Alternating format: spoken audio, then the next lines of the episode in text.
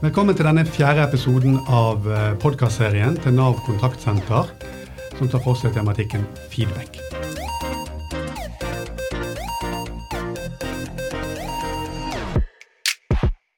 I de tidligere episodene har vi pratet om hva en feedback er for noe, og hvorfor det er viktig å gi feedback. Og vi har pratet om hvordan gi en feedback som fungerer. I tillegg har vi hatt fokus på positivitet i en feedback, men i denne episoden så skal vi ta det litt lenger. Vi skal snakke om noe som gjerne kommer ut av det eh, etter å ha gitt en feedback. Eh, mitt navn er Cato Lorenz, og jeg leder denne podkasten sammen med min kollega Kjetil Fosse.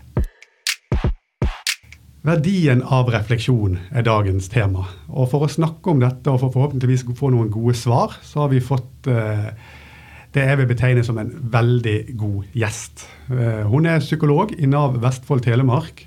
Hjertelig velkommen skal du være, Miriam Torsell Næs. Tusen takk. Ja, vi skal snakke om refleksjon, Miriam.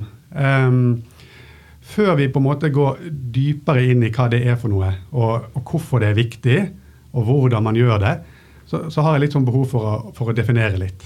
Um, kan jeg få spørre deg hva du legger i det begrepet refleksjon? Mm -hmm.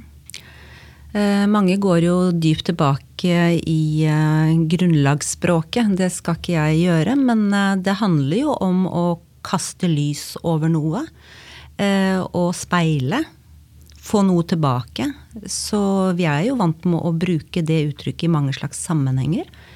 For temaet her i dag så handler det jo om det å tenke man kunne også si gruble, selv om det har litt sånn negative eh, konnotasjoner. Men, eh, men det er rett og slett å, å, sitte og lure og tenke og la tankene komme. Mm. mm.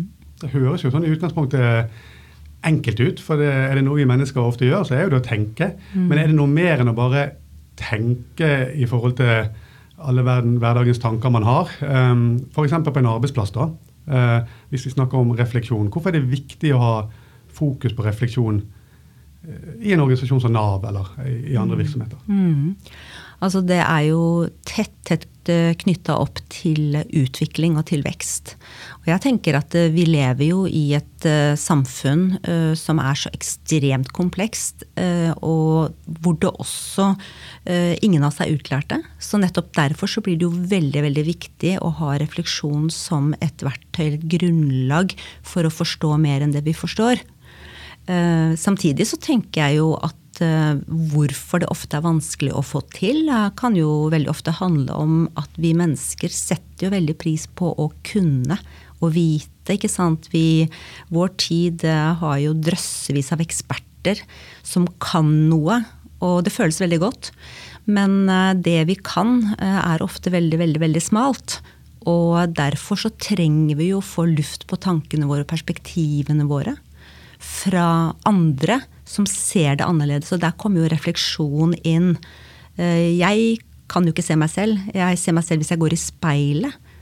Men hvem skal være mitt speil når det gjelder utvikling av tenkning, perspektiver, forståelse? Eh, da trenger jeg jo andre mennesker rundt meg. Og få deres tanker i tillegg til mine egne. Mm. Ja, det er veldig interessant å høre på. Og eh, du, du, du innledet med å si det det er en kobling her mellom refleksjon og, og det vi snakker om uh, som læring og utvikling. Og Da er det veldig interessant å se på det på en arbeidsplass, f.eks. Nav. Og Nav kontaktsenter, som, som lager denne podkasten her, som har fokus på læring og utvikling for sine medarbeidere og for sine veiledere.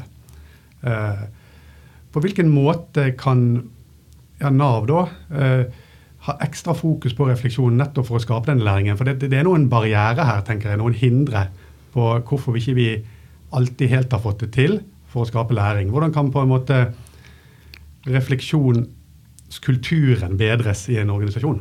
Mm. Altså Vi mennesker er jo grunnleggende sosiale. Hjernen vår er sosial. Så jeg kan godt ha lyst til å utvikle meg og gode intensjoner, men uh, det som skjer i mitt hode og i meg, skjer jo i samspillet mellom en annen. Så hvordan vi da reagerer på hverandre, altså du og meg og jeg og min kollega, men også min opplevelse av kulturen, hva er lov, hva er ikke lov, eh, den er jo med og strukturerer og begrenser eller utvider eh, min evne til refleksjon og til å våge faktisk å gjøre feil, eller våge rett og slett å tenke at jeg ikke har hele sannheten. Ja, for Det, for det, det, det syns jeg er viktig å, å dvele litt ved. Mm. Det å våge. For det, det handler litt om å, å, vise litt mot det å reflektere over egen praksis. Mm. Eh, ta meg for eksempel. Hvis jeg skal eh, gå kritisk til verks på en eller annen eh, arbeidsoppgave jeg har gjennomført, og se på den erfaringen, mm. så, så, skal jeg våge å gå litt i meg sjøl se meg sjøl litt utenifra. Mm. Um, er, er, det for alle? Eh, om alle våger det, tenker du? Ja, Er det, er det mulig å på en måte bygge opp et motor for, for, for å få dette til f.eks. på en arbeidsplass? Ja, altså jeg tror at Vi kan godt se på individuelle egenskaper. Noen er jo veldig modige, og de tar seg skikkelig sammen og tenker nå skal jeg være modig og våge. Men sånn til syvende og sist så våger vi jo opp imot responsen fra den andre. Så responsen fra deg eller fra andre på det jeg sier, vil jo gjøre at jeg enten åpner eller lukker. Så jeg er veldig opptatt av disse miljøene og relasjonene som enten skaper trygghet og senka skuldre, eller som gjør oss anspente og har behov for rett og slett å holde på våre meninger, fordi det skaper en form for trygghet. da. Så skal man få til refleksjon på en arbeidsplass, så er vi jo helt avhengig av å gå inn i hvordan responderer vi på hverandres utsagn eller invitasjoner. Fordi alt vi mennesker gjør, er jo en invitasjon til en respons fra en annen. Og ikke bare slik at jeg spør deg hva syns du om meg nå, hva syns du om det jeg gjorde, men rett og slett bare et hev av blikk eller måten du sier hei på, er med å åpne eller lukker og få meg til å føle meg modig, trygg, eller det motsatte. Og skal vi få til refleksjon, så er det jo ingen tvil om at vi er nødt til å ha grunnleggende trygge miljøer. Og det får vi jo aldri ved å si at her er det trygt å reflektere. For det kan vi si til vi blir blå og grønne. Men jeg må føle at meg trygg på at responsen fra deg, når jeg våger å tenke andre tanker Responsen må være slik at jeg ivaretar mitt eget selvbilde og kjenner at du vil meg vel. Ja, ja er interessant. Eh, eh, det leder meg litt videre, fordi eh, jeg er litt opptatt nå i denne episoden å på en måte komme litt under hva skal jeg kalle det, huden på dette som kalles refleksjon. Det, det er noe sånn, det er noe sånn det er noe vi på en måte, som jeg sa innledningsvis, vi vet hva det er, men kanskje ikke vi vet helt hva det, hva det som kreves, eh, og hvordan få det til å skape den nødvendige refleksjonen. Og um, jeg, skal, jeg, skal, våge meg på en liten påstand her, påstand, som jeg håper du kan kommentere, mm. Miriam. Det er voksne som forstår hvordan de lærer. De er i større, grad, i større grad i stand til selv å ta ansvar for egen læring, egne handlinger, og lære av sine erfaringer. Altså Hvis vi forstår hvordan vi lærer, så, så, lærer vi også bedre i andre enden. Og refleksjon er jo en måte å lære på. Mm. Så, så, kan du si litt om Kan du, kan du kommentere den påstanden? Ja. Det kan jeg, for den er jo ikke helt udelt enig med deg vet du. Nei. Fordi eh, når du snakker om forstå, så er det veldig mye vi mennesker forstår rent kognitivt, ikke sant? Jeg forstår hvordan jeg lærer. Jeg forstår hvordan jeg ikke skal komme inn i en krangel. Jeg forstår hvordan jeg skal oppdra barna mine. Og jeg forstår at jeg må reflektere. Men hvis ikke jeg føler at det er trygt, så blir det heller ikke læring. Og, og, så har vi i ulik grad av behov for den tryggheten. Men eh, jeg tenker mer at vi må kjenne at det er rom for det. Det er mer enn at jeg må forstå. Men vi trenger også forstå, for hvis vi først forstår, så kan vi også jobbe med å utvikle de lærende miljøene. ikke sant? Så forståelse er kjempeviktig. Men det er, la meg si at det er eh, nødvendig, men ikke tilstrekkelig, da. Mm.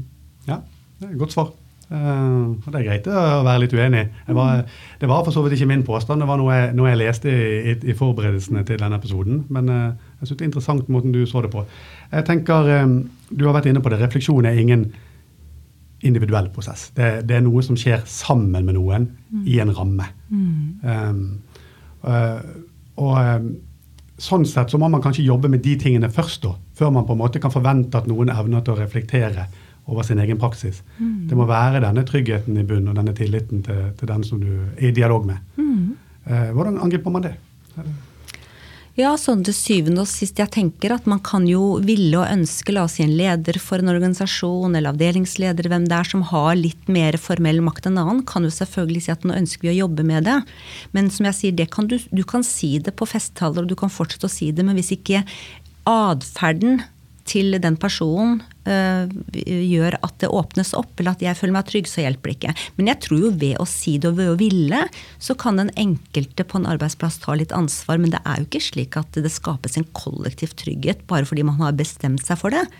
Jeg kan føle en trygghet overfor deg, og så kan jeg når jeg møter Kjetil eller Per eller Anne, så er det annerledes. Så vi mennesker er jo veldig, veldig smarte til å lukte lunta.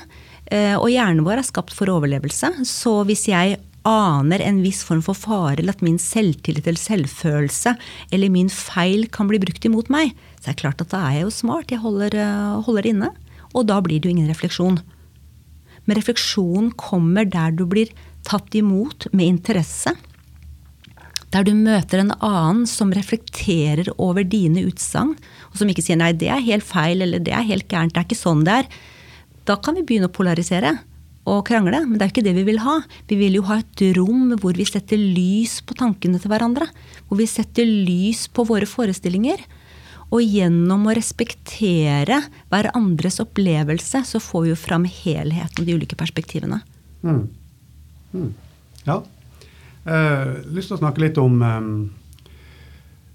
det, det, å gjøre ting til en vane på en arbeidsplass. Gitt vi har uh, en tillit god tillit på arbeidsplassen. Det, det, er en god psykologisk trygghet, som dere psykologer mm. ofte snakker om. Mm. Disse tingene er på en måte på plass. Og så ønsker man på en måte å skape en sånn vane for refleksjon. Um, så, som nå skal jeg synse litt, kanskje er litt mangelvare mange steder. Fordi man ikke har satt det litt i struktur eller i, i system. Hvordan kan man gå løs på det å bli vant til å reflektere eh, på en arbeidsplass? Mm. Ja, jeg tenker som du sier, man, eh, man kan jo ønske alt man vil, men, men, vi trenger strukturen og vi trenger rammen og vi trenger noen som går foran og legger til rette. Da. Og det tenker jeg kontaktsenteret i, i, Nav virkelig er et sånt kjempeeksempel på. Hvordan de systematisk har jobba med feedbackskultur og systematisk har jobba på absolutt alle nivåer. Eh, helt konkret, hva sier du når den andre sier det? Eh, ikke sant? Så det blir veldig, veldig man får trena veldig mye på det. Og så blir alle klar over at sånn gjør vi det her. Og så er det ikke alle som får det til, men man øver og øver og øver. Og alle vet at denne kulturen ønsker vi å ha, den jobber vi for. Og, det er klart at da blir man jo flinkere. Øvelse gjør mester. Det er det jo ingen tvil om. Mm. Ja, du nevner Nav kontaktsenter som, mm. som, har satt dette i system og har en uh, strukturell inngang til, til det å mm. gi tilbakemeldinger og, og, få reflekterte medarbeidere som et resultat av det, da, i en trygg ramme mm. eh, der tilliten er, er høy. Mm. Eh, og, og, det er jo sånn i, i, veldig mange arbeidsplasser også, det at det, det stilles større krav til medarbeiderne eh, på en arbeidsplass, også på Nav kontaktsenter, som, som eh, forventer å, å, ha selvstendige medarbeidere som i større grad klarer å løse mer eller mindre komplekse ting som de kommer opp i, mm. uten å på en måte ha en klar føring eller få en beskjed fra, fra en mm. annen. Eh, er det resultatet av det vi får det hvis de jobber med refleksjonsevnen til de ansatte? Eh, får vi da på andre siden medarbeidere som evner til å ta disse eh, egne valgene når de mm. møter på vanskelige situasjoner? Ja. Eller utfordrende situasjoner? Det tror jeg er et kjempepoeng, faktisk. Fordi vi mennesker kan jo lett klare å gjøre noe instrumentelt, ikke sant? Men, men i det instrumentelle så fins det jo ingen refleksjon. Eh, så da gjør vi jo ting på instruks. Men hvis vi åpner opp for og sier at eh, dine tanker og din opplevelse, det du står i, det du mener, det du er, det er viktig, det må komme fram, så får vi, som jeg sier, luft på de tankene, og vi får bare lyst til å utvikle oss og lære mer. Og kjenner selvfølgelig på mestring. Og det er jo mening, og det er mestring, og det er selvstyre. Det er tre veldig viktige variabler hos, på en arbeidsplass og hos oss individer, eh, medarbeidere. Så når vi får muligheten til å kjenne på mestring, så er vi også i læringsmodus, da. Mm. Ja. Uh, ja, vi, vi, nærmer oss slutten av denne episoden. Uh, mm. Lyst til å ja, spørre deg om noe som, som, jeg er litt opptatt av sjøl. Liksom, jeg merker sjøl at jeg, jeg, gjør mer av det jeg syns er, er, morsomt, som, som er gøy. Uh, kan refleksjon på, på, på jobben da, over sin egen praksis ender opp med å bli litt morsomt og litt gøy, sånn at vi gjør mer av det? det har du noen råd og tips til hvordan gjøre det litt gøy? Ja, Det spørs hvor gøy du skal ha det. Om det er slik at vi skal le og ha det veldig morsomt. Men jeg tenker du mener mer at det blir motiverende på sett og vis. At man har lyst. Og det er jo to eh, elementer vi mennesker beveger seg, og det er smerte og det er lyst. Så eh, enten så kjenner vi at her har vi virkelig behov for å gjøre noe fordi at eh, brukerne våre og de som ringer inn er så de er ikke fornøyd. Det andre er at vi kjenner at dette lykkes vi med. Vi får priser og ref hva dere nå har, eh, har fått. Så er det klart at det skapes en motivasjon, og vi kjenner rett og slett at vi mestrer jobben vår. Så det er, det er jo veldig morsomt. Og så tror jeg at når vi rigger til disse positive, trygge miljøene, så tror jeg at det er en iboende kraft i oss mennesker til utvikling. Det er det ingen tvil om. Det er en iboende kraft i oss til å beskytte oss, men den andre kraften er like stor ønske om utvikling. Så hvis ledere, arbeidsplasser legger til rette for dette, gjennom måten vi responderer til hverandre på, gjennom å våge å gjøre feil, så tror jeg at det er klart at det er mye morsommere å være ansatt i den eh, organisasjonen. Veldig bra. Eh, og jeg tror det får bli siste ord eh, av denne episoden. Tusen takk, eh, Miriam Torselnes, for at du tok deg tid en travel hverdag til å være med. Tusen takk skal du ha. Mitt navn er Cato Lorentz, og jeg leder denne podkasten sammen med min kollega Kjetil Fosse. Vi takker for at du lytter, og vi høres.